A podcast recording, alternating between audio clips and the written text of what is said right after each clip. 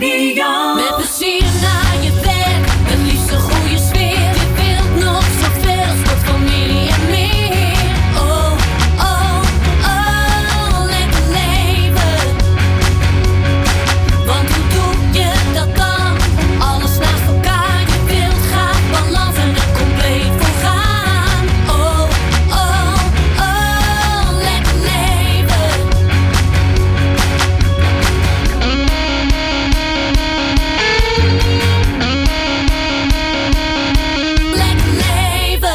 Ja, fijn dat je weer luistert. Dit programma maken we omdat we iedereen echt een lekker leven gunnen waarin je de beste versie van jezelf kunt zijn. Zowel fysiek, mentaal als emotioneel. En dus ook zoveel mogelijk het leven leidt waar je gelukkig van wordt. Kortom, een lekker leven. Ik ben Martine Howard en vandaag hebben we weer twee te gekke gasten. Straks spreken we namelijk niemand minder dan Frederik Meeuwen. Zij is psycholoog en auteur van het boek Goed Zoals Je Bent. En we gaan met haar over zelfvertrouwen praten. Wat is de psychologie erachter en hoe kun je aan je zelfvertrouwen werken? Nou, je hoort het straks en ze geeft je ook heel veel tips. Maar we beginnen deze aflevering met eten. Lekker en gezond eten is natuurlijk cruciaal. En de volgende vrouw kennen van tv en de meest heerlijke gerechten die ze bereidt. Lekker leven met Martine.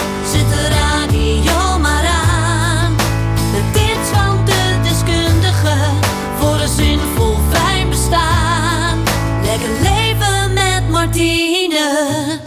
Bij een lekker leven is lekker en gezond eten een van de belangrijkste elementen. Maar hoe kun je nou lekker en gezond eten? Nou, de volgende vrouw kennen we sinds eh, nou ja, 2015 van het programma Binnenste Buiten op NCRV. En deze chefkok maakt gerechten uit alle windstreken. En ze weet met haar enthousiasme en ook haar boek Colorful Food enorm veel mensen te inspireren met haar heerlijke en ook gezonde maaltijden. Wat zijn haar kook- en eettips? Hoe heeft zij van haar passie haar werk kunnen maken? En wat is voor haar echt een lekker leven? Nou, dat gaan we bespreken met deze vrolijke en ook sprankelende vrouw. Ik heb het over niemand minder dan eh, Sharon de Miranda. Sharon, van harte welkom. Fijn dat je er bent. Dankjewel, leuk om er te zijn. Ja, te gek dat je hier bent. Wij, wij kennen elkaar inmiddels al een beetje. Van eten. Inderdaad, ook van eten, van kaas met name. Hè? Lekker. En eh, jij hebt echt van je passie je werk kunnen maken. Nou, ik heb meer van mijn obsessie mijn beroep gemaakt. Echt van je obsessie? Ja, noem Ja. je het echt je obsessie? Ja, het is echt een obsessie. Ik kan er niks anders van maken. Ja, echt? Ja, echt. Had je dat al vanaf kinds af aan dan? Mijn eerste woordjes waren happen happen. Geen papa mama, gewoon happen happen. Ja, echt serieus. Ik zei ook altijd, wat eten we vandaag? En als ik dropjes zag op tafel, ging ik spontaan hoesten. Want dan vraagt iemand, wil je een dropje? Ja. Ik wil altijd bij mensen spelen, die dan, of bij kinderen spelen, die, waarvan ik wist dat de ouders lekker aat. Ja, Dan wou ik daar ook wel eten. eten, eten, eten. Ja. Dus eigenlijk vanaf het begin af aan eigenlijk. Zeg maar. Standaard, alles draait bij mij om eten. Ik kan ook nergens anders over praten dan eten. Of lekker eten, of producten. Het gaat altijd over eten.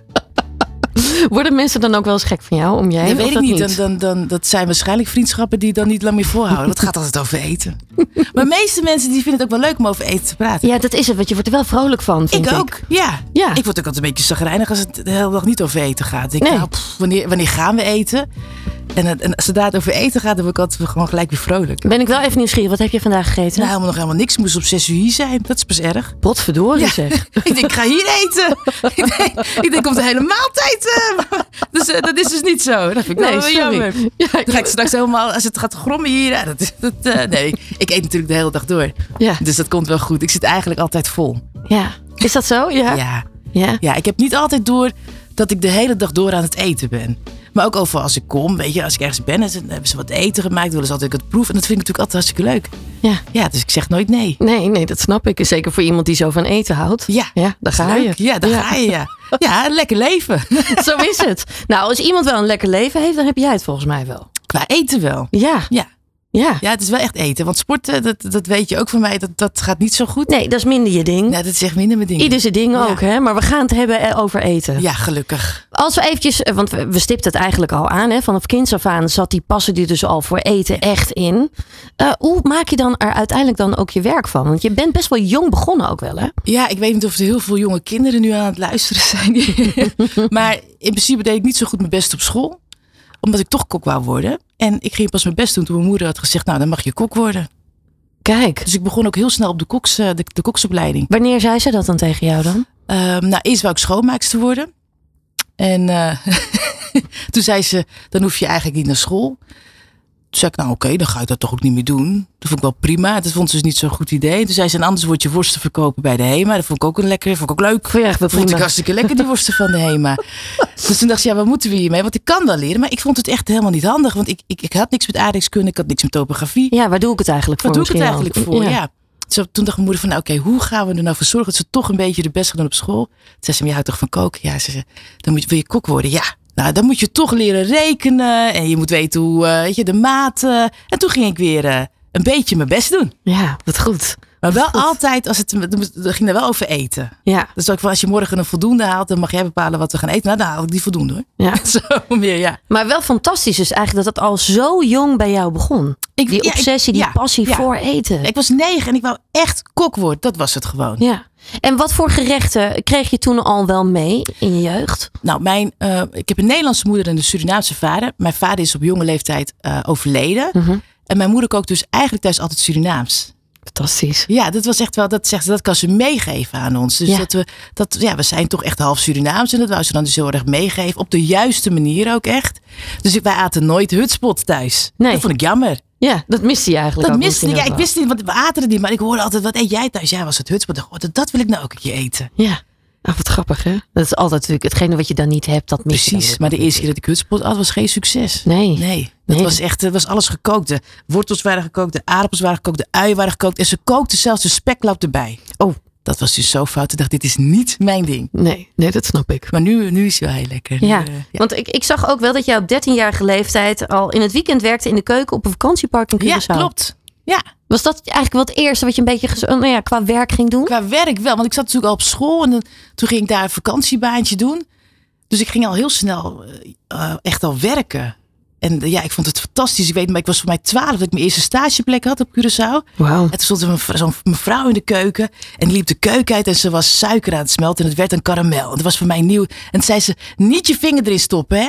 En toen liep ze weg. En ik denk, nou ja, toch. Ik ga Moet je niet zeggen tegen jou Nee, natuurlijk. dus ik stopte mijn vinger erin. Ik heb gelijk mijn lesje geleerd. Mijn vinger deed ik in mijn mond. Nou, ik had een blaar op mijn vinger, een blaar op mijn tong en een blaar op mijn lip. Maar ik had niks gedaan. Ik heb niet toegegeven. Nee, tuurlijk niet. Nee, oh fantastisch. Ja, en toen zo begonnen. Dus eigenlijk al gelijk eh, ja, baantjes erbij in de keuken. Ja. ja, daar heb je natuurlijk al veel geleerd. Hè? Als je nu terugkijkt op die tijd, wat heb je daarvan geleerd? Nou, heel erg met smaken. Oh, Op Curaçao helemaal, er werken zo, er wonen zoveel nationaliteiten. En die komen allemaal samen. Ja.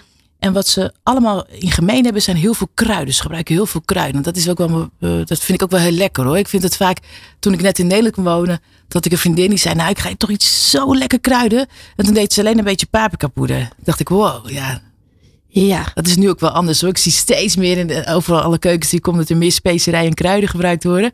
Maar daar was ik toch wel even van geschrokken. ja, ja, dat snap ik. Ja. Wat, wa- wat zou jij mensen aanraden dan die nu zitten te luisteren? Want sommige mensen. Kruiden. En, en als je dus eng vindt om heftige kruiden te gebruiken, zoals koriander of komijnzaad, gebruik dan ehm, zeg maar verse kruiden. Ja, Peterselie, bieslook, dille, basilicum. Oh, dat is zo lekker. Dat maakt je eten gewoon compleet. ja, en het is ook meteen gezond. Ja, zeker. Ja, Ja. ja. Ja. Dan ga je smaakpapillen open. En Ja, dan krijg je zin om morgen weer te eten. Dat heb ik ook als ik nu lekker aan het eten ben. Dan denk ik, oh, wat zullen we dan morgen eten?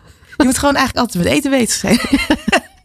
ja, daar heb je gewoon een lekker leven. Ja, precies. Ja. Ja, ja, nee, ja, dat, ik ben het ook helemaal met je eens. Ik ben ook altijd e- met eten bezig, moet ik zeggen. Ja? Ja. En wat, is jou, wat heb jij vandaag gegeten?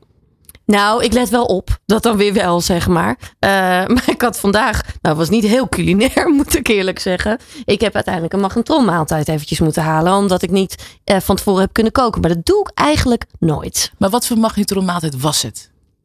Eh, nou, een collega heeft het voor me gehaald. Het was echt Nederlandse pot.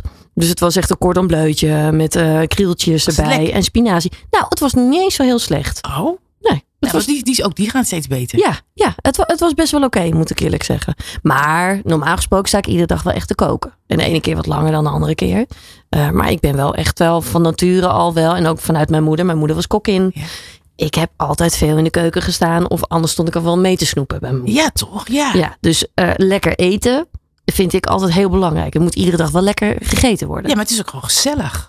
Dat is het ook. Het is zo zeker gezellig. Word je niet, ik, word echt, ik word echt zagrijnig als ik dus niet lekker eet. Maar dan is mijn hele dag echt wel een beetje verpest. Ja, je hele dag. Nou, dat, dat heb ik dan weer niet. ik maar ik vind, wel, wel, ja. ik vind het wel heel zonde. Ja, voor mij is het mijn obsessie. Hè? Dus als Ja. het niet goed gaat met mijn obsessie, dan heb ik een probleem. Maar nou even terug, hè, Ja. naar die 13 jaar. Dan, dan Ja. leer je dus ook inderdaad met kruiden werken Ja. en al dat soort dingen. Vervolgens dan, hoe ga je dan verder? Want kijk, een passie hebben voor iets, dat is leuk. Ja. Hè? En jij noemt het een obsessie. Maar daar ook je werk van maken, is nog een tweede ding. Dat lukt De niet iedereen. obsessie werd een passie. Mhm. Zo, dat is, dat is stap twee eigenlijk. Ja. Werd een passie. En ik kwam erachter dat het een mannenwereld was. Ja. Dat was voor mij ook niet. Ik bedoel, mijn oma zat in de keuken, mijn moeder zat in de keuken, mijn tante zat in de keuken. Dus toen ik de, de, de koksopleiding ging doen, toen dacht ik, jezus, wat veel mannen. Ja. En dat, dat, ik, dat, dat, dat zag ik gewoon echt niet aankomen. Dus het was wel een harde wereld. En dan, ja, dan moet je je mannetje staan. En zorgen dat je gewoon ook goed gaat worden in hetgene wat je zo leuk vindt. ja, want hoe begeef je dan tussen al die mannen? Vond je dat lastig in het begin? Nou ja, ik was zelf een halve man geworden. Ja, dat is eerlijk. Ja, Nee, je dus, gaat gewoon eh, heel erg met die mannelijke energie mee. Ja, dat als je daar continu. Ja, je bent heet het om hen heen. Een, een, een schunnige grapjes toch wel. Het is wat, wat groffer dan als je een vrouwenteam hebt. Dus daar ging ik wel heel goed in mee. Het duurde ook heel lang voordat ik daar uiteindelijk, dat ik eindelijk zelf een relatie had. dat ging het elk voor een beetje nadeel, weet je. wel. Maar, maar uiteindelijk, ja, ik, als je bijna de meeste koks, eigenlijk alle koks die ik ken, die hebben een passie. Dus ook, ik heb nu ook een hele goede sous-chef. Zij heeft ook een passie voor eten. En dat, dat, ja, die wordt er ook gelukkig van. En dan, je bent gewoon heel creatief bezig. En Ja. je, je, kiest, je kiest ervoor om echt kok te worden. Dus je kiest ervoor om in de avonden niet naar huis te gaan. Om dan, je bent samen aan het knallen. Dat is, het is eigenlijk gekke werk. Het zweet op je voorhoofd, maar het is zo'n kick. En het is zo geweldig als je al die mensen in het restaurant lekker ziet eten. Ja. Ik ben ook, word ook zagrijnig van als één persoon niet lekker gegeten heeft. Dat vind ik zo erg. Vaak ligt het dan wel aan die persoon. Het ligt natuurlijk nooit aan jou natuurlijk. Nee, nee, nee. Nee, maar dat vind ik dan echt erg. En denk ik, waarom niet? Ja, Maar kijk, als iemand niet van truffel houdt, dan kan ik er niet voor zorgen dat je er wel van houdt. nee. Nee, dat wordt lastig. Dan wordt het inderdaad. lastig, weet je. Dus dat, vaak zijn dat dat soort dingetjes. Ik denk, ja, dat, dat kan. Als je iets niet lekker vindt, ik kan niet toveren. Nee. Ik heb geen simsalabim, maar nu vind je het lekker. Ja, zo werkt het niet. Nee, nee. Maar goed, dan ben je aan het studeren. Hè? Dan leer je natuurlijk ook Ja. wel steeds meer. Had je toen al heel duidelijk een beeld van... dit is waar ik heen wil?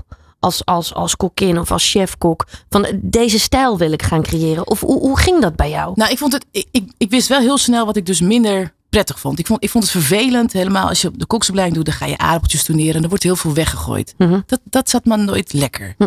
Dat vond ik altijd vervelend. Dat er te veel eten werd. Voedselverspilling. Ja. Dat, is, dat, dat vond ik niet zo fijn. Nee.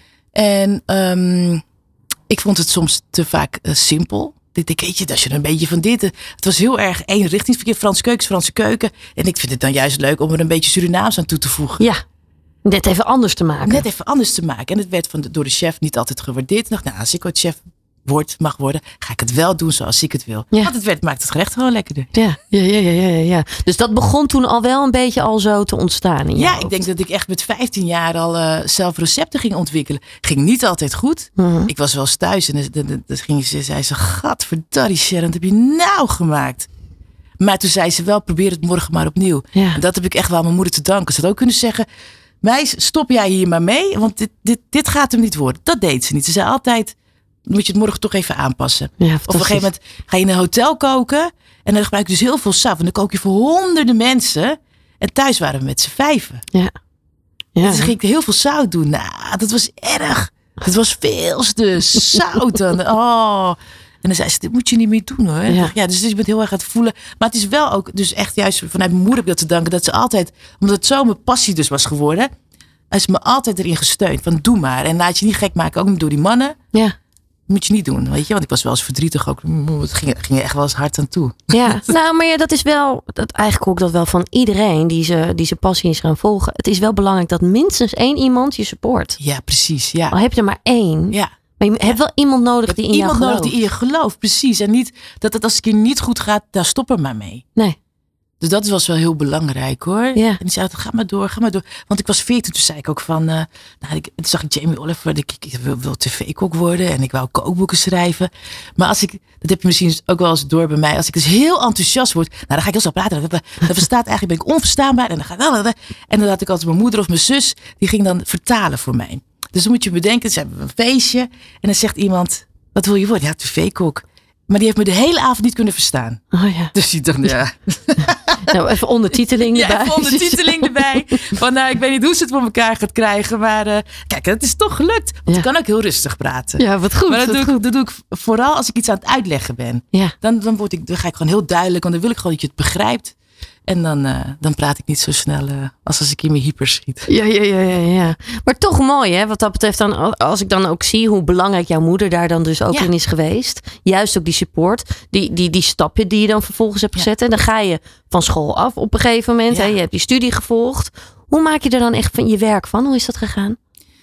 Ja, gewoon eh, blijven koken. Het gewoon doen. En ook blijven proberen.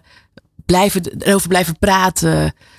Hoe zeg je dat? Een beetje ja, freestylen met andere koks. En er gewoon voor gaan. En niks is te gek. En het, het mooiste is als je dus voor in een restaurant staat. En je hebt iets bedacht. Bijvoorbeeld een leuk recept. Ja.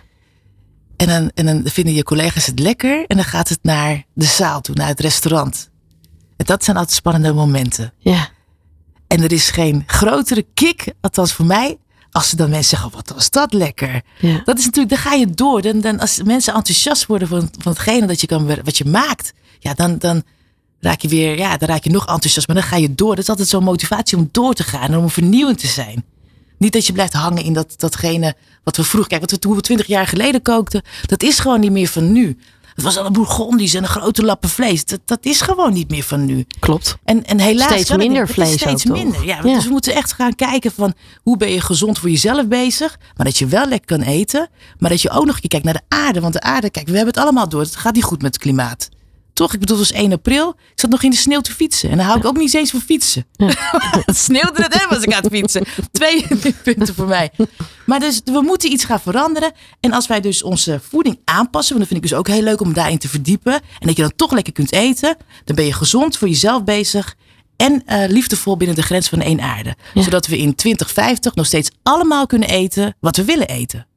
Ja, En fantastisch. dat is dus nu eh, mijn nieuwe obsessie. Ja, je nieuwe obsessie, je nieuwe missie. Ja. En daar gaan we zo meteen ook over praten in het tweede deel bij Lekker Leven. Hoe je dat nou precies kunt doen. Lekker kunt leven, maar tegelijkertijd ook echt bij kunt dragen aan een betere wereld. Ja. Lekker leven met Martine. Zo, dat was even lekker swingend zo wel, hè? Ja, Ja. lekkere lentekriebels. Helemaal lentekriebels inderdaad, ja. Eh Sharon, we zitten hier natuurlijk eh, bij Lekker Leven. We hebben zojuist al eigenlijk al besproken hoe het allemaal bij jou is begonnen, hè, eigenlijk. Die obsessie eerst en daarna een soort passie. Passie, ja. Ehm, als we dan nu eventjes verder kijken. Je presenteert al sinds 2015 het programma Binnenste Buiten. Hè? En je doet natuurlijk heel veel als kokkin. Hoe ben je nou uiteindelijk bij dat tv-programma terechtgekomen? Nou, uiteindelijk heb ik auditie gedaan. Mhm. Ik was wel door iemand die zei van kom je auditie doen? Toen zei ik nou ja, dat ga ik gewoon doen. Ik vond het wel heel eng hoor. Ik, Ja. ik was helemaal niet bekend met de camera's niet. Ik denk, eh Want je wilde het wel, dus ja, want ik zei altijd. toen ik 14 was, zei ik dit, dit ga ik doen. Ja. Ik was nu geen 14 meer en eh, vond ik dingen toch wel wat spannender. Ja. Maar ik dacht ik ga ervoor, want dat is zo belangrijk. Als je een wens hebt of een droom hebt en je krijgt een kans om dat realiteit te maken, dan moet je ervoor gaan, ongeacht je gevoelens. Want ik was natuurlijk super zenuwachtig. Ik weet nog wel, het was een warme dag. Ik had mijn voeten helemaal ingesmeerd met vaseline. En ik had sandalen aan. En ik dacht, ja, weet je, je moet wel mooie voetjes hebben op Ja. tv. Ja. Wie ziet je voet op tv? Maar goed, dat had ik bedacht. Maar ik kreeg het heel erg warm. Dus toen, ik, toen mocht ik dus komen voor die auditie. Toen glibberde ik eigenlijk door die, die, die, die sandalen. was leer en dan die vaseline. En ik had zweetvoeten gekregen. Dus ik Oh, zo. nee. Nee, dat was het een drama. Maar uiteindelijk, eh, Toch ging het goed. ja, het is inmiddels zeven jaar geleden. Wauw. Had je wel meteen toen je voor die kamer stond, dat had ik namelijk wel bij mijn eerste auditie.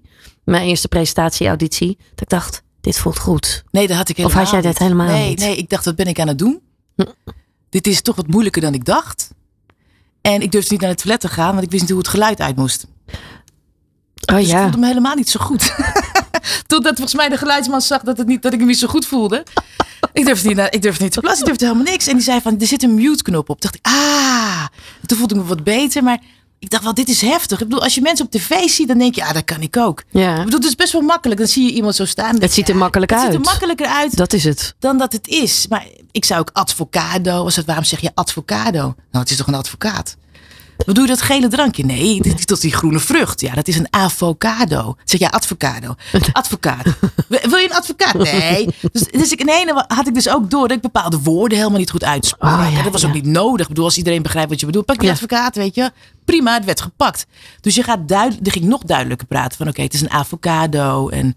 eh, dus daar ben ik me in ene bewust van bepaalde dingen. Ja. Of van, eh, nou dan neem ik een paprika. Ja, Sharon, je hebt een gele paprika. Ja, dat klopt. Waarom de gele? Ja, dat is lekker. Ja, maar waarom is het lekkerder? Zeg, nou, die is, eh, hij is wat zoeter, eh, wat rijper dan... an- Vertel dat dan ook. Dacht ik, jeetje, Mina, ik ben toch gewoon lekker aan het koken? Ja. Moet ik het ook allemaal uit gaan leggen? Ja, dat, dat, dat, was, dat is nieuw. Dat waren de nieuwe dingen. Ik, ik dacht, ik ga gewoon lekker koken. Maar ik was eigenlijk vergeten dat ik er ook bij moest praten. En uit moet leggen waarom je dingen doet. En ik was ook heel goed van, eh, dan gooi je er een beetje in. En dan een beetje zo, en een beetje zo. En dan was ik dus van alles in mijn gerecht aan het gooien. En toen zei ze, nou, het recept. Toen dacht ik, oh, oh ja. Oh, wacht. Oh jee, ja. Moest er ook nog een recept bij. en zo ga je recepten leren schrijven. Denk je, oh, weet je. Dus ben ik, ben- toen ging ik bewuster koken. Dus ik lette meer op mijn uitspraak. En ook eh, op, op wat, welke ingrediënten ga je nou gebruiken. Hoe, wat zou de kijker ervan vinden. Dus het heeft ook wel een andere manier van koken weer eh, eh, bij mij Ja, teweeggebracht, zeg maar. teweeggebracht, ja. En je wilt vernieuwend blijven. Dus het is weer zo'n kick van, hoe, weet je, nieuwe dingen, nieuwe dingen, nieuwe dingen. Dat is hartstikke leuk. Ja, te gek. Ja. Zo blijf je jezelf dus ook continu ontwikkelen. Precies, ja. Ja, en nu, mooi. ook, nu ga ik bijvoorbeeld bij boeren, dan ga ik naar de boeren toe. En die hebben dan weer nieuwe groentes of zo. Nou, dat is zo leuk. En ook als je die passie van hun weer hoort, ja, dan, dan moet ik daar gewoon een lekker gerecht mee kunnen maken. En dat wil je dan ook. Ja, snap ik. Dat zijn van die leuke dingen. Nee, Ja. Zo blijft mijn obsessie, mijn passie, mijn alles.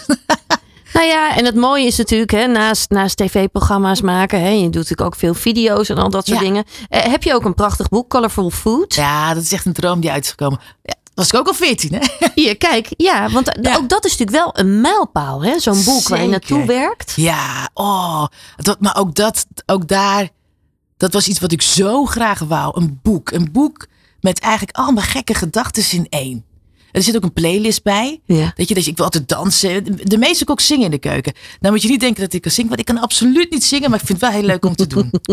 Dat is juist zo En heb je dan ook bepaalde muziek die je dan op ja, hebt staan? Een beetje wat jij net. We hebben echt het, het, het boek Colorful Food is in vier eh, categorieën. Dus lente, herfst, zomer en de winter. Ja. En dan heb je dus bij die playlist heb je dus ook zeg maar de muziekkeuzes erbij. Maar ik hou ook van eh Juan Luis Guerra. Dus als het winter is, zo je frio, frio. Weet je dat liedje dat je dan toch lekker Ja, een beetje salsa aan het dansen bent. Ja, ja, ja. En de gerechten zijn dus ook meer winters. En op een gegeven moment is het nu lente. Dus de gerechten zijn wat lichter. We krijgen weer kriebeltjes in ons buik. Dus de muziekkeuzes is wat vrolijker. Ja. Dat zijn eigenlijk allemaal wel vrolijke liedjes hoor. Nou ja, en ook wel seizoensgroenten dan is ook wel echt? Seizoensgebonden, seizoensgroenten. Ja, helemaal. Want dit, dit boek is ook gebaseerd op hoe je je voelt. In de winter dan heb ik gewoon meer behoefte aan wat zwaarder eten. Ja. Helaas beweeg ik dan sowieso al wat minder. En dan wil ik ook nog een keer wat zwaarder eten. Maar ja, dan denk ik, nou, dat maken we in de lente wel weer goed. Ja. Dan ga je wat lichter eten. Ik loop nu alweer veel meer. Je bent graag weer buiten. Ja, je wordt ook Je energieker. wordt weer energieker. En dan gaat het boek ook in mee. En het blijft allemaal wel gezond. Ik vind het echt dat we moeten gewoon stoppen met die pakjes en die zakjes. Want het is niet nodig als je Nee. gewoon goede producten hebt. Ja. En het boek laat ook zien dat het niet zo moeilijk is. Dat je gewoon weet welke producten je kunt kiezen. Wat is voor jou gezond eten? Want het is best wel een breed begrip. Nou, gezond eten is vooral dat je rekening houdt met de hoeveelheid.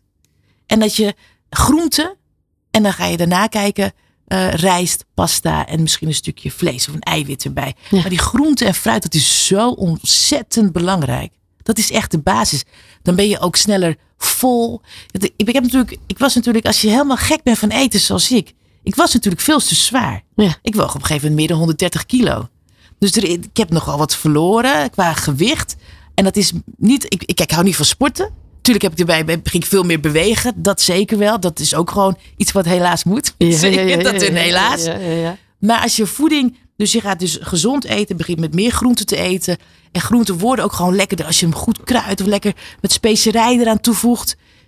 En ehm, daarna ga je kijken van goh. Dan doen we rijst, doen we een patatje erbij. Misschien moet je toch kiezen voor die zoete aardappel, want dat is ook gewoon een groente. En Klopt. minder. Ik eet een kwart van wat ik eerst at. Dat is wel, dat vind ik wel heel knap. Want dat is ook die discipline creëren voor jezelf. En dat zo niet, afbouwen.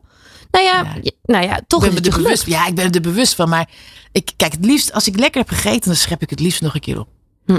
En het liefst schep ik, als er dan nog een beetje over is, dan schep ik nog een keertje op. Ja. Je kunt ook zeggen, ik eet het morgen weer op. maar het is dan zo lekker, er zit er dan geen grens aan. Dus nu was het echt van, nee, ik heb nu lekker gegeten. Ik zit eigenlijk, is het genoeg? Dit is gewoon wat ik mag eten. ja. Ehm, Heb je het daar is- dan hulp bij gehad? Nou, in eerste instantie niet. Ik heb wel aan iedereen verteld van, ik ben, ik ben, ik ben, ik ga lijnen. Ik moet echt, er moet wat vanaf. Want ik voelde het echt wel hoor. Eh, Ik, ik vond mezelf eigenlijk nooit dik, maar een ander volgens mij wel. Maar ik, achteraf denk ik, ja, ik voelde het wel. Maar ik ging dus zeggen van die mensen, ik wil echt eventjes wat afvallen. Dus willen jullie mijn naam, dus gewoon zeggen Sharon, elke keer als ik iets in mijn mond doe. Ja. Nou, jezus, ik werd echt eh, zwaar geïrriteerd. Ik dacht, nou, nou, nou, stop nou. Ik vond het echt irritant. De hele dag hoorde ik mijn naam. Want ik sta natuurlijk in de keuken. Dus continu deed ik iets in mijn mond. Dus een bonbonnetje, een petit voetje, een patatje. Een stukje eh, kaas. eh, soms een blokje. soms een plakje komkommer. Maar de hele tijd lekkere dingen. Nou, en op een gegeven moment ging ik dan even lekker lunchen. Want ik had nog niet gegeten. Dus onbewust was ik de hele dag door extreem veel aan het eten. Ja. Dus ik dacht, nou, hoe ga ik hier vanaf komen? Dus ik ging kauwgompjes kauwen. Ah. Op het moment dat je iets in je mond hebt zitten, dan ga je niet iets erbij doen. Ja. Dus kauwgompjes, kauwen, kauwgompjes. Dan hou ik er wel van dat het smaak heeft. Dus dit elke keer een kauwgompje bij, kauwgompje erbij, kauwgompje erbij. Moet je vooral die babbelisjes of zo. lekker zo'n soort. Mm, Ja, ja. Maar het werkte voor mij wel. Niemand kon me zeggen. En toen ging ik naar de dokter, want ik had toch een hoofdpijn en een oorpijn. Ik denk, dat gaat niet goed. Wat heb ik? Toen had ik een overbelaste kaak.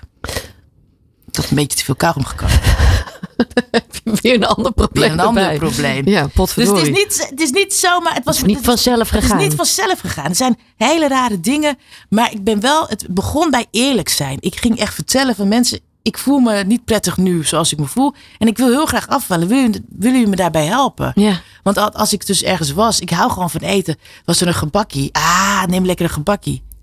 Zeg, nee, dat wil ik niet. En hou, je moet het ook niet aan me vragen, want ik vind het niet leuk. Ik vind het moeilijk om nee te zeggen. Dus vraag het me niet. Vraag het me gewoon niet. Nee. Weet je, help me daarbij. Ja. Of als ik dan wel een gebakkie nam, zeg dan niet, wil jij die andere die overgebleven is? ja, dat is het, hè? Dat is ook niet zo. Dat Ja. is toch al gemeen. En zelf lekker helemaal slank en dan lekker sporten. En ik zit drie gebakjes ergens naar binnen te, werken. Ja, nee, klopt. Dat niemand Klopt. wil uiteindelijk eten Ja. weggooien. Dus eigen conclusie, eh, eh, vraag ook wel om hulp. Ja, zeker. En Ja. wees er eerlijk over. Ja. ja dat Wees er gewoon goeie. eerlijk over. Ja. Vraag om hulp, wees er eerlijk over. En ik werd ook wel gewoon een beetje boos, ook op mijn man. Ja, Nou, dat wil ik niet eten.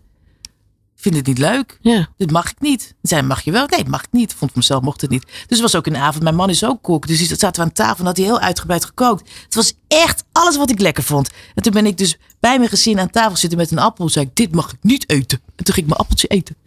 Nou, dat was, dat was niet goed voor mijn kaak. Maar goed, uiteindelijk eh, Heeft wel geholpen heeft wel uiteindelijk. geholpen. Ja, ja. Nog eventjes terug naar je boek, hè? want je combineert daar eigenlijk wel ook al die verschillende nou ja, stijlen, ook wel culturen, ook met elkaar, hè? naast die verschillende seizoenen. Wat wil je mensen graag meegeven qua voeding? Nou, wat ik wil meegeven is dat dit ook de nieuwe Nederland is. Er wonen zoveel nationaliteiten in Nederland. ja. En iedereen neemt wat mee. Weet je, het is niet, eh, hoezo is alleen een aardappeltje met bloemkool een Hollands gerecht? Rijst hoort daar ook gewoon bij. En al die, nationali- al die nationaliteiten bij elkaar, dat vind ik nou Nederlands eten. Dus eigenlijk is eh Colorful Food een hartstikke Nederlands boek. Want uiteindelijk zijn we toch tegenwoordig bijna allemaal gemixt ook. En we kennen allemaal, eh, wie is het eigenlijk nog puur? Nou, dit boek is ook precies zo. Ja. Iedereen kan zich erin vinden. Ja. Want ik heb ook bijvoorbeeld een hutspot, maar in de hutspot, dan heb ik bijvoorbeeld een paarse, paarse, de paarse wortel gebruikt. Want de originele wortel was helemaal niet oranje. Die was eh, paars, Oké. geel, wit. Ja. Willem van Oranje, die wou oranje. Oranje, die heeft een soort die oranje is. Echt waar? Meen je dit ik nou ben echt serieus. Ja, ik ben serieus. Je kijkt me aan alsof Denk, ik ja, heel ja. ben. Nee, dat is echt zo, ja. Ja, weet je, die vergeten groenten. Het is jammer dat ze vergeten zijn, maar die zijn zo voedzaam. Ja. Mooi, die, die, ze zijn bij mij in mijn keuken al heel lang niet meer vergeten. En ik wil dat mensen die smaken weer terugnemen, weet je. Dus gewoon lokaler eten. En tuurlijk is importeren en exporteren hartstikke belangrijk. Ook voor de Nederlandse export is dat belangrijk. Maar ook vooral kijken, wat hebben we in Nederland? Want daar is toch zoveel. Je kan er zoveel meer mee doen eigenlijk dan de meeste mensen denken ook. Hè? Ja, dat ook. Maar, Ja. En er is ook zoveel gewoon hier op, op eigen bodem te vinden. Ja. Ja. Dat is dus bij Food Forum ook. Dat is ehm innovatiepaviljoen van de provincie Flevoland. Ja. Dan koken we alleen maar lokaal. Dus 100% lokaal. Ik ben dus chefkok hiervan. Maar als je dan... We hebben dus sojaboontjes. We hebben quinoa. Er groeit safraan. Knoflook. Gember. Nou, noem maar op. Zoete aardappel. Witlof. We hebben alles. Ja, fantastisch. Ja. En daarnaast geef jij mensen ook wel mee, je hoeft niet altijd vlees te eten hè, of vis. Nee, klopt. Vegan kan op een hele leuke manier ook. En lekkere manier. Ja, dat sowieso. Want als je dus, ehm, je, als je basis plantaardig is, eigenlijk wat ik nu doe, ik kook eh, via de guidelines van de Green Dish. Dat is dus Eat Lancet. Ja. En dat betekent dat je 80% plantaardig moet eten en dan blijft er 20% ruimte over voor dierlijke eiwitten. Ja. Dat betekent als je in een week zeven dagen moet eten, dan eet je daar vier dagen eet je gewoon plantaardig. En dat, kan, dat is echt wel makkelijk hoor. Want je kunt bijvoorbeeld de lekkerste zwarma maken van oesterzwammen. Dat is hartstikke leuk. Je yoghurt, gewone yoghurt, nou, die vervang je dan door de kokosyoghurt. Ja. Dat zijn allemaal lekkere dingen. En die andere drie dagen eet je vis, vlees of gevogelte. Er zijn drie dagen dat je dus gewoon wel dierlijke eiwitten kunt nuttigen. Maar dan niet meer dan 100 gram. En biologisch of drie ster beter leven. Ja. Dat zijn de dingen waar we over na moeten denken. Ja. Het is niet meer van nu om dus 300 gram biefstuk te eten. Klopt. En je hoeft dus ook niet per se helemaal niks meer te Nee, eten. Maar nee. het is meer die balans. Die balans. Je moet die balans vinden. Nadenken over wat je eet. En waar komt dit dierlijke, deze producten dan vandaan? Ja.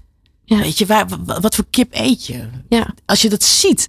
Want we weten het ook heel vaak niet. Mensen kopen niet bewust een plofkip. Echt niet. Het is een kilo knaller. Oh, lekker goedkoop. Je hebt een gezin om te voeden. Ja, je ziet het al helemaal in zo'n bakje al voorgesneden liggen. Dan, dan heb je dat Max- beeld er ook ja, minder bij precies. natuurlijk. Hè? Maar als jij in de supermarkt staat en je ziet zo'n hele enge plofkip. Nou, dan weet ik zeker dat je dat niet gaat kopen. Ja. ja, dat is het. Dat is het hem. Ja, dus mensen die zijn zich helemaal niet bewust. Het ligt daar, weet je, die blauwe bessen, die zijn het hele jaar door in dezelfde verpakking te verkrijgen. Dat is toch raar? Ja. Dan moet je heel goed lezen. Als ik boodschappen doe, ga doen, dan ben ik vaak, kom ik uit het werk, ben ik hartstikke moe. Ja, dan ga je toch niet die kleine lettertjes lezen. En het ligt er, het zal wel goed zijn, het is fruit. Maar ja, dat zijn dingen waar we rekening mee moeten houden. En dat is dat seizoensgebonden eten. Ja, je, bent- je bent inmiddels al, je zei het al, chefkok bij het Foodforum. Ja. Eh, het paviljoen van provincie Flevoland. Op de Floriade, die gaat daar natuurlijk ook echt plaatsvinden. Hè? Dat is vanaf, wat is het? Overmorgen. Ja, dat Ja. gaat al heel snel plaatsvinden. spannend, hè? 14 april. Ja. Wa- Wat, wat kunnen we daar allemaal gaan verwachten? Nou, het is een, een, een tuinbouw. eh, nou, zo'n tuinbouw, ik zeg het helemaal verkeerd. Eh, wat we daar kunnen verwachten, dat is eigenlijk hetzelfde wat er altijd is bij de Floriade. Ja, Het is natuurlijk prachtig met planten. En dit, in dit geval is het ook over duurzaamheid. Dus de gebouwen zijn heel mooi gebouwd. Het gaat ook over voedsel, over gezondheid. Dus het is hartstikke groot. En maar een half jaartje te bewonderen. ja. En ik kan natuurlijk het beste vertellen wat wij bij Foodforum gaan doen. Ja, want ik ben wel heel erg nieuwsgierig. Wat gaan jullie daar doen? Nee, we zijn onderdeel van de expo. We zijn Ja. deelnemer tijdens de Floriade. Ja. Het is dan van de provincie Flevoland. En we hebben een, je gaat een soort luchtballon, ja, hoe zeg je dat nou? Luchtballonvaart? Een luchtballonvaart doen Mhm. met zo'n VR-bril. Cool. En dan ga je dus over de provincie Flevoland. En het is echt fantastisch. Het is echt magnifiek. Ik heb hoogtevrees. Nou, ik was wel een beetje bang. Ik had bijna het brilletje van mijn hoofd afgegooid. zo echt is het zo goed gedaan. Oh, wat goed. Ja, en dat zijn een van de dingen die er te beleven zijn. En eh, bij Foodforum hebben we dan een signature dish. Dat zijn dus echt, eh dan laten we zien hoe je lokaal lekker kunt eten. Wauw. Ja, Wauw, dat zijn wel mooie ontwikkelingen ook wel. Hè? Jij vindt het ook wel leuk om lekker innovatief bezig te blijven. ja, ja zeker. Ja, ja ja dat, is wel heel ding. belangrijk. Want dat blijft ook, dat zegt, dan blijf je geïnspireerd en dan blijft het ook leuk. Als je continu nieuwe dingen kan ontdekken. Ja. ja dat vind ik leuk. Ja. Wat kunnen we nog meer van jou gaan verwachten? Want dit komt er nu echt aan. Dit staat echt voor de deur. Wat kunnen we nog meer van jou dat gaan weet je nooit wat je Nee, daarom. verwachten. Nee, ik zou het niet weten. Ik, ik weet het niet. Ik vind het wel heel leuk. Het is voor mij een droom om eh, de wereld, zeg maar, dat ik naar andere landen kan gaan en echt bij de culturen, dat ik daar kan leren koken. Dat kan echt van alles zijn. En dan niet wat je al gewend bent. Maar echt En als in een tv-programma dan? Nou, dat weet ik eigenlijk niet. Misschien ook wel, ja. Die weet het, dat, lijkt me ook wel leuk, ja. Ja, toch? Een beetje zoals Erika Terpstra, maar dan echt met koken overal Ja, over de hele wereld. ja. En dan echt met de locals. Ja. Oh, ik, ben hartstikke bang voor beestjes. Zie je rennen? Dat wordt hilarisch. Dat wordt volgens mij heel erg leuk, maar ook heel erg lekker. Ik denk vooral inspirerend. Ja. Iedereen, dat zegt, elke cultuur hebben zo'n eigen mooie gerechten. En zeg ik, vind altijd nog dat, weet je, dat zeg dat, ja, thuis ook, mijn moeder maakt dit het lekkerste. Dat zegt iedereen. Mijn oma maakt dit het lekkerst. Ja, En dat zijn de verhalen die we moeten meegeven. Ja. Weer aan de nieuwe generatie. ja die mogen doorgegeven Die mogen worden. weer doorgegeven worden, ja. Ja, fantastisch. Nou, volgens mij gaan we nog heel veel van jou zien en horen. Eh Sharon, ik wil jou enorm bedanken voor het delen van je verhaal. Jij bedankt. En eh, heel veel succes met alles wat je nog gaat doen. Dankjewel. Dank je. Je bent het zand en Er is veel meer, veel meer. Liefde, gezondheid,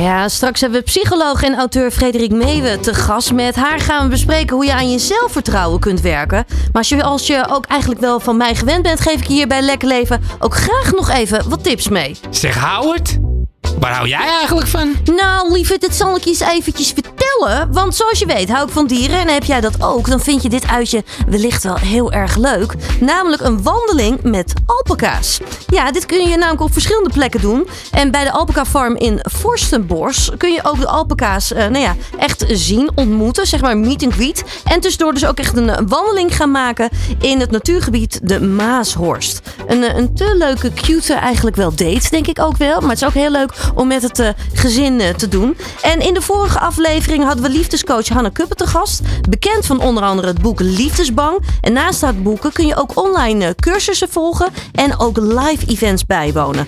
Echt dus wel ook een, een aanrader als je wat meer de diepte in wilt gaan en van liefdesbang naar liefdesvrij en liefdeskunst wilt gaan. Straks spreken we niemand minder dan psycholoog en auteur Frederik Meewe over zelfvertrouwen en hoe je aan je zelfvertrouwen kunt werken. Maar eerst nog eventjes muziek. Leven. Bij een lekker leven is zelfvertrouwen een cruciaal onderdeel. En nou kampt iedereen wel eens met onzekerheden of twijfels. Dat is gewoon heel erg menselijk. Maar in deze maatschappij en alle social media die er ook bij komt kijken... ervaren enorm veel mensen een druk om zo perfect mogelijk te leven. Waardoor ook heel veel mensen echt last hebben van angsten en onzekerheden. Of bijvoorbeeld een burn-out krijgen. Waardoor je dus ook niet echt het leven kunt leiden zoals je dat eigenlijk echt zou willen. Nou, wat is de psychologie achter zelfvertrouwen? En hoe kun je sterker en zekerder in je schoenen staan? Dat lees je allemaal in het nieuwe boek Goed Zoals Je Bent. En de auteur van dit boek is psycholoog en coach. Hij helpt eigenlijk heel veel mensen die vastlopen in hun leven. En eh, dat is dus juist ook het mooie. Dat zij echt mensen vooruit helpt. En ik vind het dan ook echt fantastisch dat ze hier te gast is. Ik heb het over Frederik Meeven. Frederik, van harte welkom. Nou, dankjewel Martine. Fijn dat je er bent. Ja, we gaan het natuurlijk hebben over je boek. Maar we gaan het überhaupt hebben over wat je allemaal doet als coach en als psycholoog. Eh, je hebt het boek uitgebracht. Eigenlijk nog maar net, hè? Ja, het is eh 2,5 week geleden verschenen. Ja, het is Ja. echt nog heel recent. Ja, het is nog heel recent. En de eerste druk is al uitverkocht. Ja, fantastisch. Gefeliciteerd. Echt wel. Aan hoeveel mensen waarschijnlijk met dit eh, Nou, probleem, eh, of dit herkennen in ieder geval. Ik ik denk eigenlijk haast wel iedereen. Alleen de een wat nou ja, in sterkere vorm dan de ander wat dat betreft. Ja. Ja. Als jij eventjes kijkt, hè, ook wel in jouw praktijk. Hoeveel mensen hebben last van onzekerheden, twijfels, al dat soort dingen?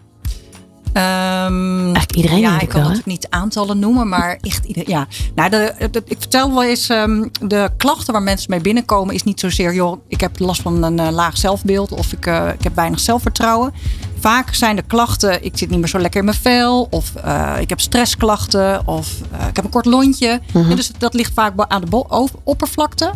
En ehm, als je dan een beetje door gaat vragen, dan kom je erachter dat mensen eh, ja, toch vaak het gevoel hebben dat ze dingen niet goed genoeg doen. Of dat ze aan verwachtingen moeten voldoen waar ze voor hun gevoel niet aan kunnen voldoen. Dus dan Ja. komt als het ware dat lage zelfvertrouwen naar boven. Ja, ja, dat wordt dan pas eigenlijk echt Ja, helder. dat is niet iets waar ze soms wel heel soms zeggen ze wel ja, ik heb gewoon weinig zelfvertrouwen en daar wil ik aan werken. Ja. Maar dat is meestal niet de vraag. Nee, nee, nee. Maakt dat het misschien ook tegelijkertijd wel lastig dat de meeste mensen het vaak ook eigenlijk zelf misschien niet eens zo heel erg doorhebben?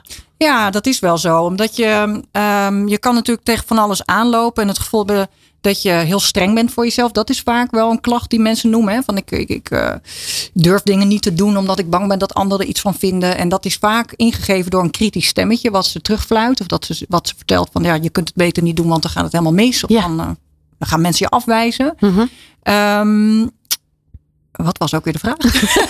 Nou ja, dat mensen zich dus eigenlijk niet zo bewust van nee, zijn. Nee, nee. Kijk, als je het er dan met elkaar over hebt van eh, hoe kijk je naar jezelf? Ik vraag ook wel eens van op een schaal van 1 tot 10, hoe zie je jezelf? Of hoe hoog is je zelfvertrouwen? Of hoe kijk je naar jezelf? En dan kom je er wel achter dat mensen zichzelf niet zo heel hoog inschatten. Ja, En dat ze dus wel last hebben van een eh, laag zelfbeeld. ja, En ook als je de geschiedenis uitvraagt. Ik vraag altijd wel naar de achtergrond van mensen. Waar kom je vandaan? Uit wat voor gezin? Wat heb je meegemaakt?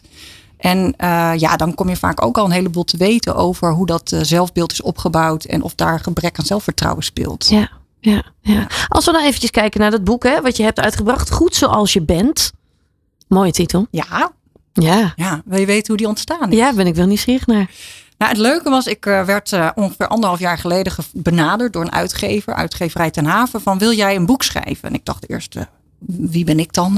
Hè? Wat, waar moet ik het over hebben? Ja. En Daar ga je eerst- al. Daar ga je al, ja, Ja. precies. Over onzekerheid gesproken. Uh-huh. En toen had ik eerst een concept gemaakt en dat opgestuurd. En toen zei ze, ja, we vinden het reden om om een tafel te gaan, maar het is nog niet scherp genoeg. Hm. Dus toen dacht ik, oh, wat had ik al zes weken over gedaan? Ik dacht, waar moet ik het dan over gaan hebben? En weer terug naar de schrijftafel. En een vriendinnetje van mij, die is ook coach, die had net een boek geschreven. En ik belde haar op om even wat hulp te vragen. Van, goh joh, eh, hier loop ik tegenaan. En zij stelde mij de magische vraag. Wat is nou die boodschap die jij al die vrouwen die jij in je praktijk ziet, het liefste mee zou willen geven? Toen zei ik, ja, dat is makkelijk. Je bent goed zoals je bent. Dat is eigenlijk de drijfveer die, voor, die hè, wat ik in mijn werk ervaar of voel om mensen te begeleiden. Ja. Om ze van het gevoel, ik ben niet goed genoeg, moet aan verwachtingen voldoen, ik ervaar stress. Eigenlijk te begeleiden naar, oh, ga nou eens naar jezelf, naar binnen kijken, naar jezelf en voelen dat je er helemaal mag zijn. Ja. is goed zoals je bent. Ja, mooi. Ja, Ja. Dus toen kwam je eigenlijk meteen tot de kern. ja. Ja, toen was het ook eigenlijk heel simpel. Want toen dacht ik, ja, maar als dat de kern is, dan weet ik ook welke hoofdstuk ik moet gaan schrijven en waar dat boek over mag gaan. Ja, want neem ons dus mee. Wat voor hoofdstukken kunnen we wel een beetje verwachten in het? Ja, het is eigenlijk eh, uit eh, twee delen opgebouwd, het boek. Het eerste deel gaat over waarom zijn we zo streng voor onszelf. Daarin eh, deel ik verhalen van mensen uit mijn praktijk, maar ook van mijn eigen kwetsbare verhaal, om het zo maar te zeggen. Ja. Het komt natuurlijk ergens vandaan, die eh, behoefte om anderen daarin te begeleiden.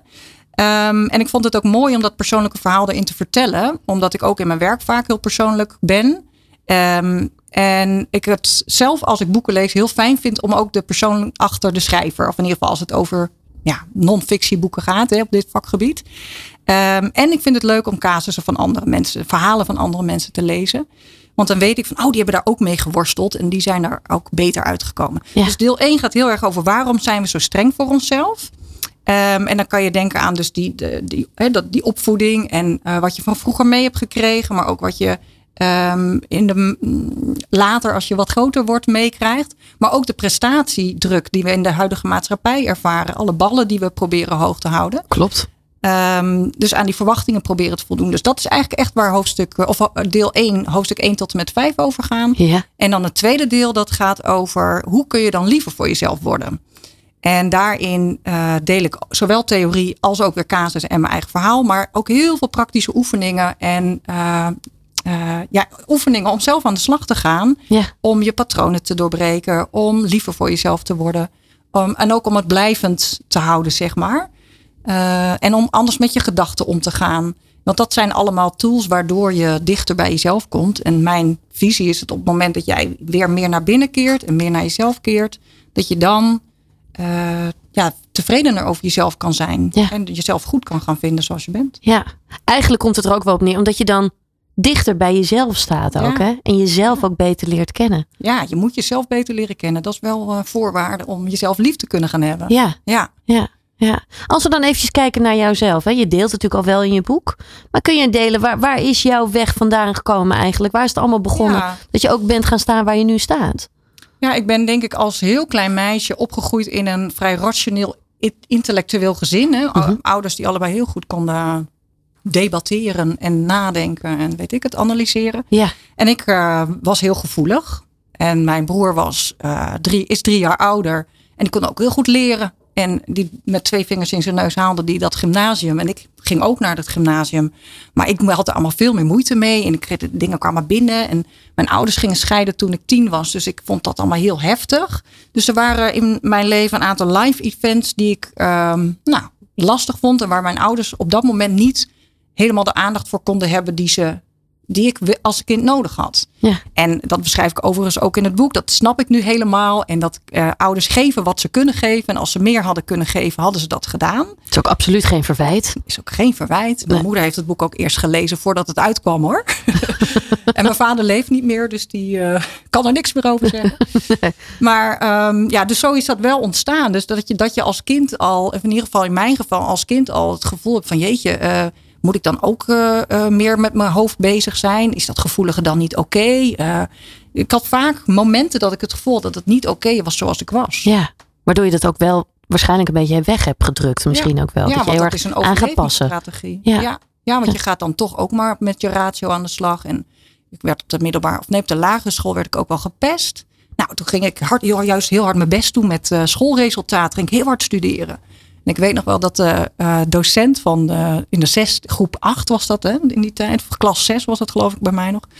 Uh, die zei, je hebt de laatste weken zo goed gepresteerd. Je, je bent helemaal rustig en je bent zo geconcentreerd. En ik dacht, ja, je moest eens weten. Ja. Want daarvoor was ik altijd wel lekker uh, druk in de klas en zo. En dan moest blijkbaar tot de orde geroepen worden. Maar ik was helemaal in een soort van depressieve kokon. Ge... Ja, je was helemaal niet meer jezelf eigenlijk daar Nee. dus ook in. Nee. En dat werd gezien als uh, lekker Hey, wat gefocust. Ja, ben je goed bezig. Ja. ja. Ja. Ja, absurd eigenlijk wat, er, wat voor twee verschillende werelden er dan ontstaan. Hè? Ja, hè? Ja. Waardoor je misschien eigenlijk alleen nog maar meer gestimuleerd wordt om verder van jezelf af te komen staan. Ja, ik heb dat. Uh, ik was toen wel vrij blij ook dat ik uh, dat het het laatste jaar was. En het was overigens een hele lieve leraar hoor. Dus ik neem het hem helemaal niet kwalijk. Maar ik weet wel dat hij die opmerking heeft gemaakt. Uh, en ik ging dat jaar ook inderdaad naar de middelbare school. En daar heb ik wel echt een hele leuke tijd gehad. Echt een hele leuke. Niet zozeer met docenten, maar wel met vriendinnen. Ik heb een hele leuke meidengroep gekregen. Leuke vriendinnen. Met wie ik ook inderdaad die kwetsbaarheden kon delen. En Ja. uh, ik vond het ook heerlijk om naar hun verhalen uren te luisteren. Dus daar is ook dat zaadje voor die psychologie geplant. Ik dacht, ja, daar ga ik wat mee doen. Ja, ja, fantastisch. Dus daar is eigenlijk wel echt dat zaadje geplant ook wel Ja, voor jezelf. ja. Ook nog later dat je dacht, hé, hey, wacht eens eventjes. Ja, zeker. Ik heb ook uh, in mijn middelbare schooltijd best wel een lastige tijd gehad. Mijn ouders waren dus net gescheiden. En um, mijn vader had een nieuwe relatie. Mijn moeder ook. En dat ging allemaal niet zo heel soepel. Uh, dus ik ja, probeerde me daar een beetje tussendoor te laveren. En ook daarin, uh, toen heb ik een eetstoornis ontwikkeld. Want dat was dan mijn manier om mezelf klein te maken. Want dan Ja. deed ik er niet zo toe. Ja. Um, uiteindelijk ook gelukkig vrij goed en uh, vlot wel weer uitgekomen. Want dat is ook wel mooi. Ik heb altijd een stemmetje gehad of iets in mezelf gehad dat wist. Ja, maar dit moet toch leuker, beter en um, ja, be- fijner kunnen. Ja, Dus er is altijd wel een drive in mij geweest die dacht, nou, er moet een uitweg zijn. Dus ik ben ook al vrij jong wel met ontwikkelingsprogramma's. Met, eerst met therapie en later met uh, persoonlijke ontwikkelingsprogramma's. En tijdens je studie heb je natuurlijk ook veel zelfleertherapie. klopt. Dus dat, uh, ja, zo heb ik mezelf eigenlijk een beetje ontwikkeld. Ja, ja, mooi. Uiteindelijk ben je hier dus ook echt je vak van gaan maken. Hè? Juist ook andere mensen Ja. hierbij helpen. Dat breng je ook wel weer echt ook samen in het boek. Hè? Je, Ja. je brengt daar ook wel echt gewoon nou ja, die praktijkverhalen ook wel echt mee. Ja, en ik geloof ook wel dat je moti- Ja, dat moet niet. Maar ik merk zelf dat uh, door zelf dit doorleefd te hebben. Dat ik het in ieder geval heel prettig vind om anderen daarin te kunnen begeleiden. Ja. Ik heb soms iemand tegenover me zitten die vertelt een verhaal. Een, en tijdens de intake. En dan denk ik, ja, dat is mijn verhaal. Hm. En dat zeg ik natuurlijk niet. Want ja, het gaat niet over mij. Maar dat denk ik wel. En denk ik, oh, ik begrijp jou zo goed. Kan zo inleven. En dat laat ik natuurlijk allemaal. Ik bedoel, dat doe je, ben ik natuurlijk professioneel. Maar dat helpt me wel. Ja. Zo iemand dan beter eh, te kunnen begeleiden. Ja, juist dat inlevingsvermogen is dan natuurlijk ook weer heel erg belangrijk. Als we kijken hè, naar zelfvertrouwen, wat, wat versta jij onder zelfvertrouwen? Want het is namelijk best wel een breed begrip. Ik denk dat iedereen daar een ander beeld bij heeft. Ja, mooi dat je dat vraagt, want ik heb daar inderdaad wel mijn eigen visie op. Um, ik beschrijf dat ook in het boek, dat als je naar zelfvertrouwen kijkt en zoals wij het in de maatschappij, denk ik, als uh, begrip kennen, is het iets wat groeit op het moment dat je een complimentje krijgt en um, vermindert of als een plumpudding in elkaar zakt op het moment dat iemand kritiek op je heeft. Ja. En op die manier, als je er zo naar kijkt, heeft zelfvertrouwen eigenlijk heel veel inmenging van andere mensen. Um, terwijl voor mij is het juist die weg naar binnen. Op jezelf kunnen vertrouwen. Ja, zoals het woord eigenlijk ook wel zegt. Ja, ja, maar zo wordt het vaak niet gezien. Hè? Want op het moment dat je dus... Ik had vandaag nog een uh, sessie met iemand. En die zei ook, ja, als ze dan een uh, compliment krijgt... dan voelt ze zich helemaal groot worden. En als er dan iemand kritiek heeft, dan, uh, ja, dan gebeurt er dit. Dan zakt ze helemaal in.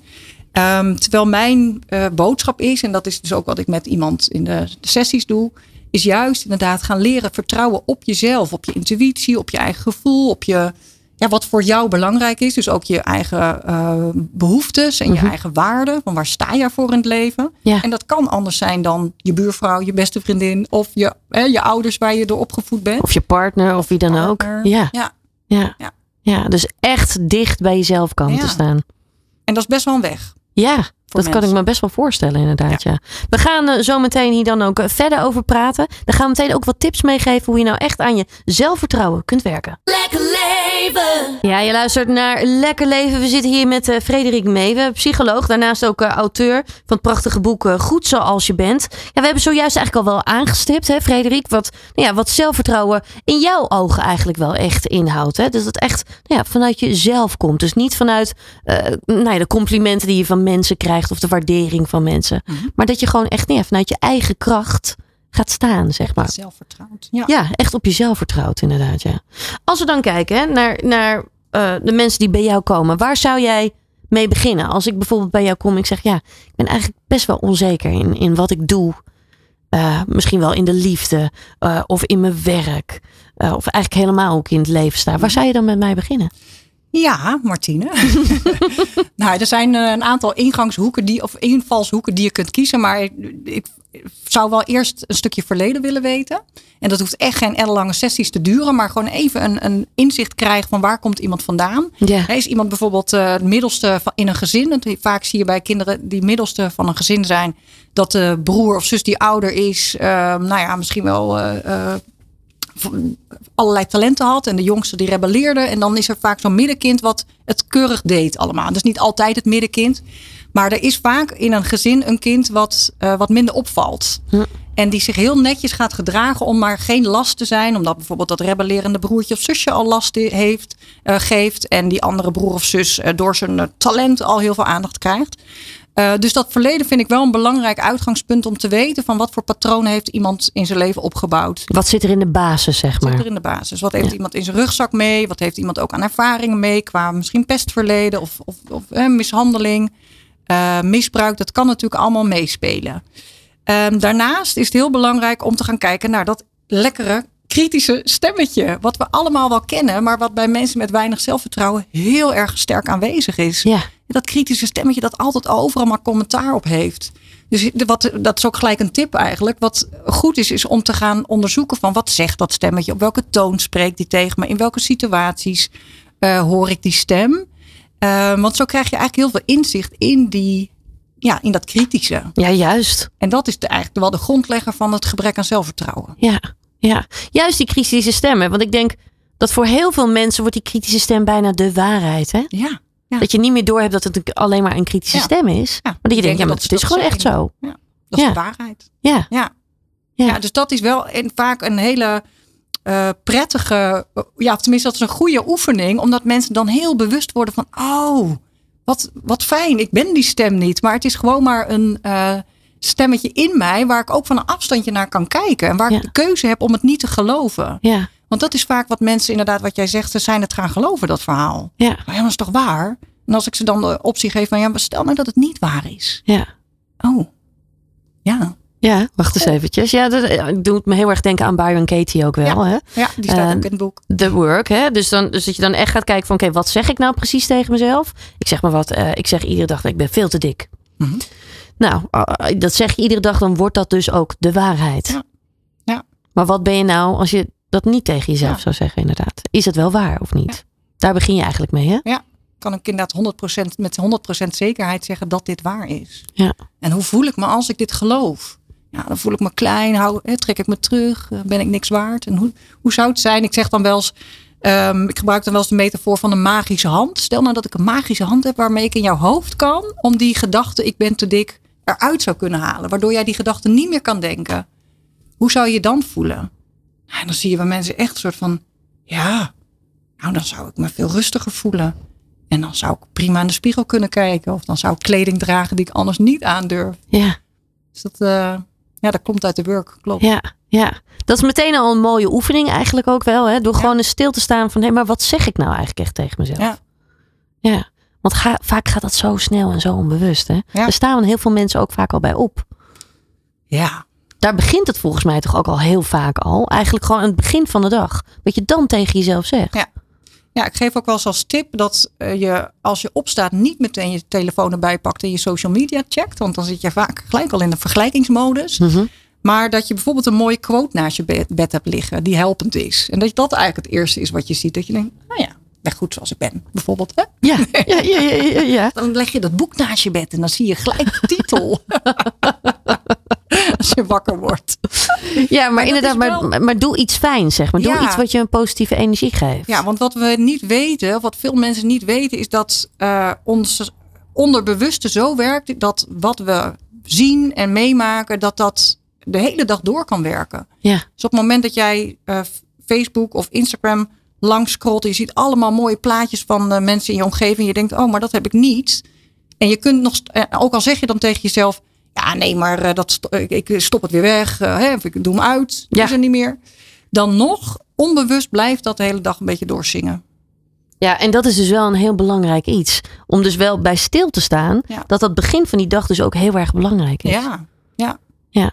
Absoluut. En je kunt ook beginnen met even een fijne eh, ochtendmeditatie. Of, ehm, ja, je hebt ook mensen die vinden affirmaties heel prettig. Dat werkt voor mij wat minder. Ja, Maar dat zijn korte zinnetjes, positieve zinnetjes die je tegen jezelf kan zeggen. klopt. Ehm, maar ook eventjes eh, ja, gronden. Gewoon even met je voeten op de grond. En je kunt zelfs, ik heb ook wel in mijn eh, groepsprogramma's dat ik een aantal ochtendoefeningen met mensen doe. Dus echt even om gewoon in je lijf te komen. Ja, Want ook dat lijf betrekken bij je leven, om het maar even zo te zeggen, is heel slim als je ehm, dichter bij jezelf wil komen. ja. Nou, je, je hoort ook namelijk best wel veel mensen zeggen: van, ja, ik zit altijd zo in mijn hoofd. Hè? Misschien wel wat je zelf ook ervaarde toen bij je ouders. Hè? Ik zit altijd zo in mijn hoofd. Maar ik, ik kan haast geen contact met, mij, met mijn lijf, met mijn hart. Ja. Wat zou je mensen dan meegeven? Nou, wat daar een hele eh, mooie, simpele oefening voor is, is dat je eigenlijk alles benoemt wat je om je heen ziet. Bijvoorbeeld als je heel veel in je hoofd zit, dan zit je eigenlijk altijd in het verleden of de toekomst. Het gedachten gaan nooit over het hier en nu. Ja, Je zit niet te piekeren over hoe ziet die microfoon eruit of dat glas water. Maar dat is juist de manier om weer even terug in het hier en nu te komen. Dus dat je benoemt, ik zie een plant, ik zie de tafel, ik zie de, mijn dochter, ik zie nou ja, wa- wat je ook ziet op dat moment. En dat brengt je in ieder geval weer even terug in het hier en nu. En dan kan je ook je weer terug naar je lijf. Ga maar eens je ademhaling voelen of leg je handen op je buik of voel je voeten op de grond of je billen op het zitvlak. ja. Even aankomen. Mooi. Ja. Zo kan je alweer contact maken met je lijf. Hè? Ja, Ja, en eventjes een beetje uit je hoofd gaan. ja, Ja. Ja. Zo belangrijk. Ik denk juist in deze tijd, ja. waarin alles zo, nou ja, zo snel gaat, we zoveel prikkels hebben, we zoveel druk voelen, is dat zo belangrijk. Ja. Weer contact maken met jezelf. Ja. Ja, absoluut. mooi. Als we dan nog even verder gaan hè, op dat zelfvertrouwen. Ehm, die stemmetjes, die zijn heel erg belangrijk. Maar wat zou je mensen nog meer willen geven? Wat, wat kunnen mensen nog meer doen? Nou, nog even voortbordurend op dat stemmetje, want we hebben nu het over het kritische stemmetje gehad. Ja, Maar wat ik mensen ook leer, is om juist contact te maken met de andere kant. Dat komt een beetje uit de methodiek die heet Voice Dialogue. En daar werk je met twee verschillende kanten als het ware. En elke kant heeft een tegenovergestelde kant. En bij de innerlijke criticus is dat de innerlijke, ik noem het de innerlijke raadgever. Maar je kunt het ook je positieve coach of je innerlijke mentor noemen. En dat is de kant die vanuit vriendelijkheid en mildheid naar je praat. En je kunt je dat eigenlijk voorstellen als je eigen beste vriendin. Ja. Stel je iemand voor die, eh, die je heel erg mag en die jou heel erg mag. En eh, wat zou die tegen je zeggen op het moment dat jij je rot voelt? ja, En dat is eigenlijk de stem van je innerlijke raadgever. En die meer gaan ontwikkelen door er gewoon puur bewust van te zijn. En in de coaching hebben we dan ook een, een oefening met stoelen, waarbij we dat zeg maar eh, levendiger maken. Mhm. Ehm, dat helpt enorm ook om die criticus te verminderen. fantastisch. Ja. Ja. ja, ik denk dat dat juist heel erg cruciaal is. Want ehm, heel veel mensen zijn dan inderdaad bezig met die, met die innerlijke, innerlijke criticus. Hè? Eh, maar vervolgens het omzetten naar iets, nou ja, nou ja blijvends ook wel. Inderdaad, wat je blijvend helpt. Ja. Dat is nog weer een, een, een volgende stap. Ja. Ik had toevallig vandaag eh, iemand die eh, daar, daar rond ik bijna het traject mee af. En die heeft dus een enorme shift gemaakt in die criticus naar de raadgever. Ja. Veel meer rust, veel meer. Ik ben oké als ik in de spiegel kijk. Ook veel meer, minder eh, druk in haar hoofd. En ze zei wel, maar hoe hou ik dit vast? Ja, En want dan komt nog weer de volgende Ja. angst zeg maar erbij. Hè? Van, oh jeetje, Ja. dit, dit raak ik misschien kwijt. Nou ja, toen gaf ik een aantal tips. en één daarvan is, ik had haar ook al tijdens het traject een schriftje gegeven. Want ik raad mensen altijd aan om dingen op te schrijven. Eh, en ook van op momenten dat je het weer even moeilijk hebt, schrijf het op. Hè, schrijf het van je af. Want op het moment dat jij dingen op papier zet, nou, heb je al meer afstand automatisch. En je kunt jezelf ook bevragen. Hè, van wat is het nou hetgeen waar ik dan zo nu zo bang voor ben? Of wat zegt die criticus? Nou, dan kan je daar antwoord op gaan geven als je gaat schrijven. Ja, Maar ook zei ik van plan nou eens elke maand of eh, in ieder geval elk half jaar een dag met jezelf in. Ga naar de sauna, neem je boekje mee en ga evalueren hoe je erbij zit. En dat kan je natuurlijk, zij, sommige mensen hebben dat elke maand nodig om een uurtje te zitten, bij wijze van spreken. En dan één keer in het half jaar lekker de sauna in. Of met een goede vriendin, kan ook. Klopt. Maar dat je jezelf echt, dat je dat blokt in je agenda. Dat je net als wanneer je een afspraak hebt voor je werk of met je eh, buurvrouw of weet ik het, dat zet je ook in je agenda. Nou, blok het maar. En zet er ook maar een locatie meteen bij. Oh, dan ga ik in dat cafeetje zitten of dan ga ik wandelen. Of, nou, Ja, mooi juist. Juist die me-time echt creëren voor jezelf. ja. En neem die echt serieus. Want het- we nemen andere afspraken heel serieus, maar met onszelf niet. Nee, nou, nou valt me altijd wel vaak een ding op. Hè? Eh, veel mensen, eh, nou ik wil niet bagatelliseren, maar ik zie toch wel veel vrouwen die zijn veel bezig met zelfontwikkeling. Hè? Eh, goed naar jezelf kijken. Wellicht ook weer te kritisch daar ook in, in worden. Dat is dan weer de andere kant. Ehm, maar we zien toch ook best wel veel mensen die zeggen, ja, maar ik ben nergens bang voor. Ik ben nooit onzeker. Terwijl heel vaak denk dan, ja, maar als het zo hard schreeuwt, dan Ja, ben je het juist misschien ook wel. Het zou kunnen, maar Hoeft niet natuurlijk. hoeft niet. Ehm, en ik ben er ook niet van om iemand eh, erop te wijzen dat het wel zo, zo, zo zal zijn. Nee. Ik denk als iemand daar zelf behoefte aan heeft, dan komt hij. Dan, komt hij vanzelf, hè? Ja, ja. Ja. ik vind niet dat je mensen moet dwingen. Ik had laatst iemand die kwam voor een, eigenlijk een loopaanvraag.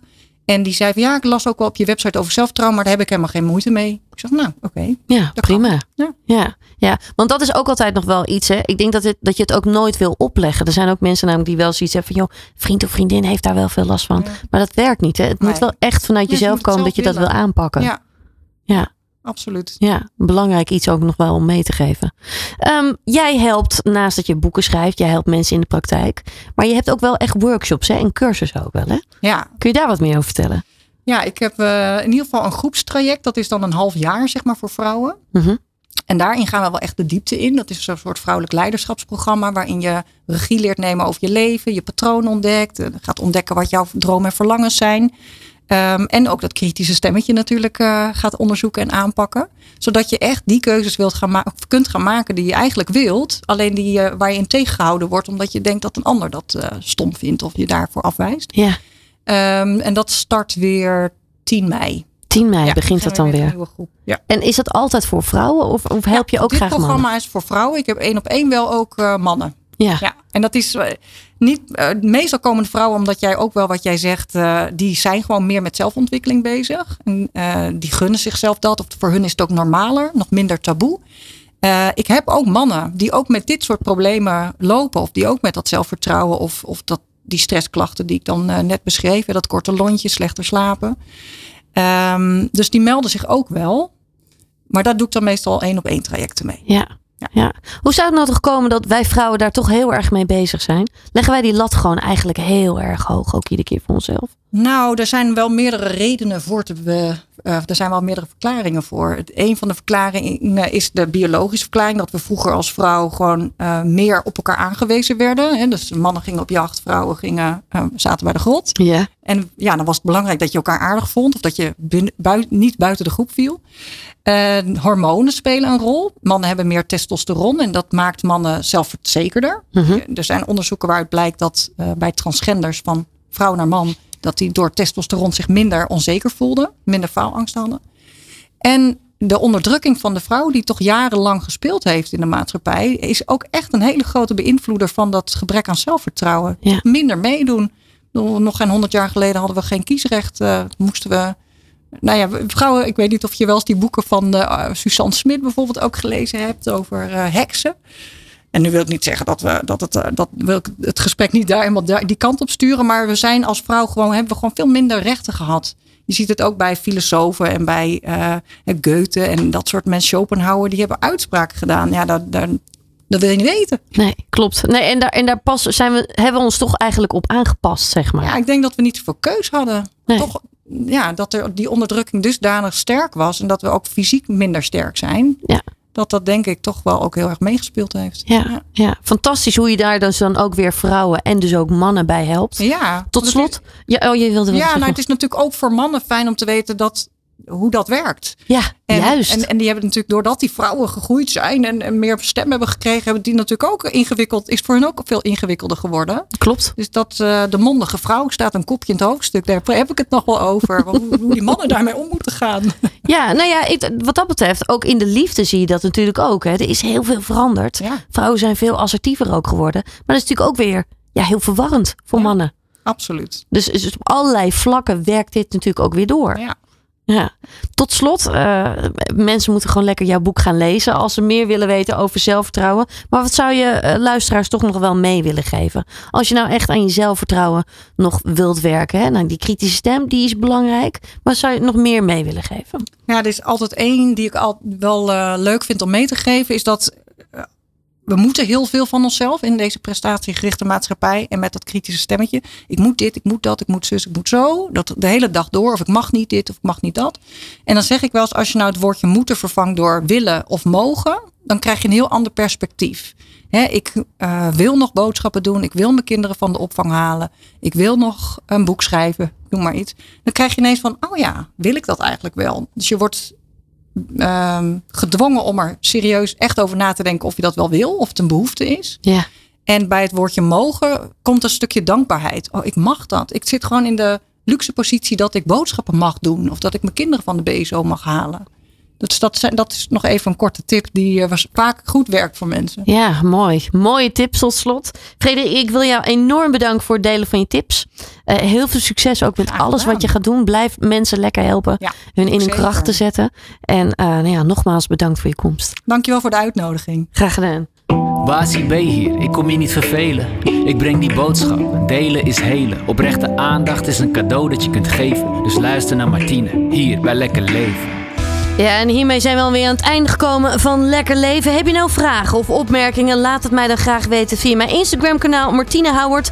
Of via het Instagram kanaal van Good Life Radio. Ik wil je nogmaals heel erg bedanken voor het luisteren. Maak er wat moois van. Neem lekker die tips mee. En heb een heel fijn en lekker leven. Met plezier naar je werk.